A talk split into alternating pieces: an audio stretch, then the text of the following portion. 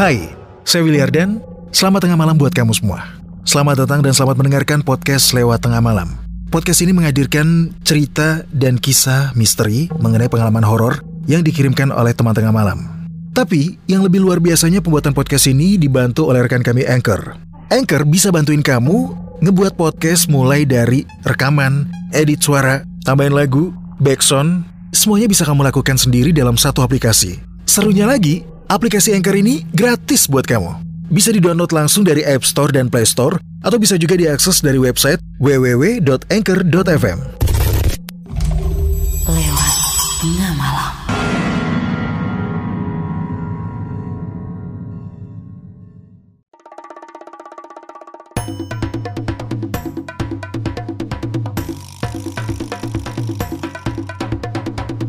Kini Podcast Network.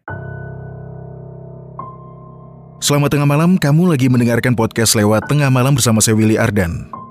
Cerita ini dialami Bagas saat kuliah semester 3. Nah, gara-gara deadline tugas kampus, dia dan juga teman-temannya sepakat menginap di kosan Bayu untuk mengerjakan atau menyelesaikan tugas kampus yang numpuk. Dan rupanya itulah menjadi awal pertemuannya dengan sosok gadis penunggu kamar kosong yang berada persis di pojokan bagian atas. Nah, rupanya kamar ini selalu kosong dan tidak pernah berpenghuni. Ada kejadian apa sih dengan kosan Bayu dan siapa sebenarnya sosok gadis yang selalu menangis dalam kamar kosong itu? Kalau kamu penasaran, simak kisah selengkapnya hanya di episode 153 Kosan Angker.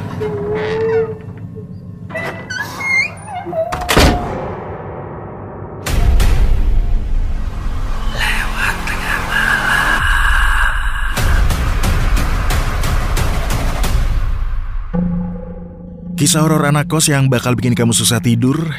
Ya, pastinya banyak banget cerita-cerita horor yang dialami anak-anak kos. Jadi anak kos itu emang seru. Tinggal jauh di kota rantau dan jauh dari ortu. Kadang-kadang, ya, benar-benar menyenangkan. Anak kos terkadang bisa melakukan apa pun sesuka hati, asal masih dalam batas-batas kewajaran. Dan justru hal-hal itulah yang mendatangkan pengalaman seru dan tidak terlupakan selama ngekos. Nah, salah satu pengalaman yang banyak dialami oleh anak kos adalah pengalaman horor alias hal-hal mistis di luar nalar. Secara bangunan kos, apalagi yang udah berdiri puluhan tahun, biasanya sudah dihuni oleh puluhan orang dan menjadi saksi bisu banyak kejadian. Nah, teman tengah malam, mendingan kamu dengarnya jangan sendirian. Apalagi pas lagi sendirian di kamar kos. Jangan-jangan nanti ada yang temenin lagi. Oh iya, perkenalkan nama aku Bagas. Cerita ini aku alami pas aku kuliah semester 3. Waktu itu tugas kuliah bener-bener banyak banget, numpuk banget. Tugas kelompok juga gitu. Ada aja tugas kelompok tiap hari. Hasilnya, ya aku jadi sering tidur di kosan temanku buat ngerjain tugas. Karena biasanya tinggal sama orang tua, aku nggak familiar dengan yang namanya kos-kosan. Jadi ya ini pengalaman baru buat aku.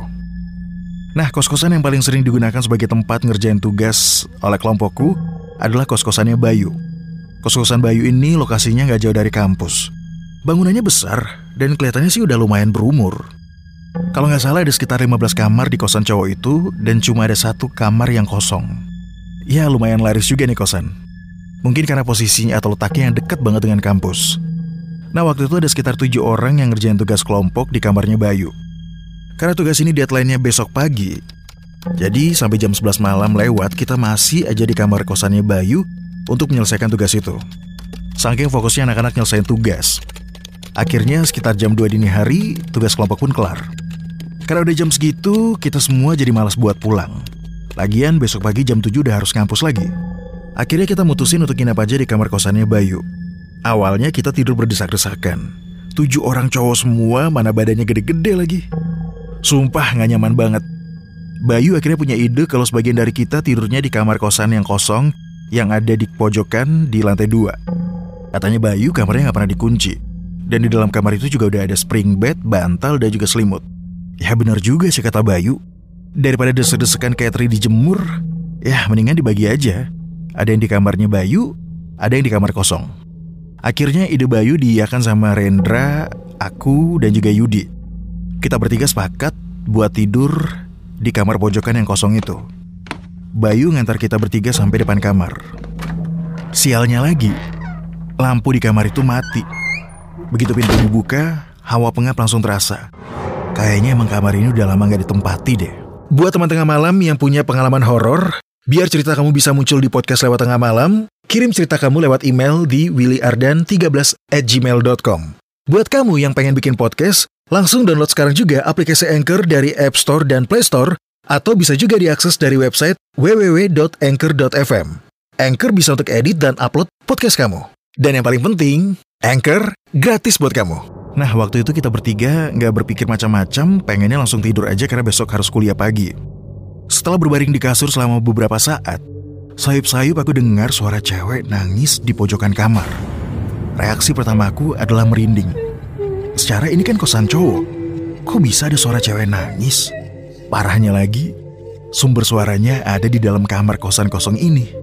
Aku langsung membangunkan Rendra dan juga Yudi. Posisi aku ada di tengah. Ternyata mereka juga belum tidur. Kata Yudi, iya, aku juga dengar suara nangis. Yudi bilang, udah biarin aja. Sambil berusaha untuk tenang. Aduh, boro-boro tenang. Bukannya hilang tuh suara, suara tangisan tuh makin lama makin kenceng banget. Tangisannya makin lama makin terdengar. Dan menyayat hati banget. Aduh, bayangin sendiri kalau kamu ada di posisi aku saat itu. Aku berusaha baca doa seingatnya, tapi kok malah seperti kena amnesia. Susah banget buat nginget hafalan doa. Akhirnya aku nekat, lihat ke arah pojokan kamar, yang jadi sumber suara tangisan. Aku nyalain flashlight dari handphone, aku arahin ke pojokan itu, dan bener aja, terlihat samar-samar di pojokan. Ada sosok cewek, berbaju putih jongkok, membelakangi, dan ada di sudut tembok, rambutnya panjang banget. Ditambah lagi kulitnya putih pucat. Sambil jongkok, cewek itu nangis terus sesenggukan. Untungnya ya ampun dia nggak menghadap ke arahku. Kita bertiga udah shock banget setengah mati melihat penampakan itu. Aku langsung gercep lari keluar kamar diikuti sama dua temanku yang lain yang ternyata juga ngelihat penampakan cewek itu. Tanpa dikomando kita lari sampai keluar bangunan kos. Sampai akhirnya kita berhenti di sebuah warung kopi yang letaknya ada di depan bangunan kos. Nggak kepikiran lagi deh buat balik ke kamar Bayu. Yang penting keluar dulu dari kos-kosan angker itu. Melihat kita bertiga yang lari terbirit-birit dengan muka pucat basi. Nah, pemilik warkop tadi jelas heran. Akhirnya setelah tenang, aku menceritakan apa yang kita alami bertiga tadi. Anehnya pemilik warkop nggak kaget, malah biasa-biasa aja. Kemudian pemilik warkop bilang, pastinya kamar yang di pojokan ya mas. Akhirnya si bapak mau menceritakan tentang riwayat kamar kos tadi. Jadi ternyata, kos-kosannya Bayu itu dulunya adalah kos-kosan cewek. Ya kira-kira 15 tahunan yang lalu ada seorang cewek penghuni kos yang bunuh diri dengan cara minum racun serangga. Konon katanya karena putus cinta. Nah, kamarnya tuh cewek persis di pojokan kamar kosong yang kita tempati itu. Di dalam kamar itu dia bunuh diri. Sejak kejadian itu, kosan itu sepi ditinggal penghuninya satu persatu. Akhirnya sekitar 9 atau 10 tahun setelah kejadian itu, barulah kos tersebut dibuka lagi, tapi berubah menjadi kosan cowok. Secara cowok kan agak cuek. Banyak yang gak gampang percaya sama yang gituan. Tapi anehnya kamar yang di pojokan itu dari dulu tetap jarang terisi penghuni. Ya mungkin kalau ada yang menempati bakal diliatin tuh sama yang barusan kita lihat tadi. Jadi rata-rata penghuni kos di kamar itu gak pernah bertahan lama. Nah setelah subuh baru kita bertiga berani masuk lagi dan langsung menuju ke kamar Bayu. Kita bertiga memutuskan untuk gak cerita macam-macam ke Bayu. Takutnya yang ada nantinya dia pindah kos. Dan itu adalah terakhir kalinya aku main ke kosan Bayu. Karena rupanya beberapa minggu kemudian Bayu pindah ke kosan yang baru. Entah karena hantu cewek di kamar pojokan itu atau karena yang lainnya. Tapi sumpah, aku gak pernah bilang apa-apa soal kejadian malam itu ke Bayu.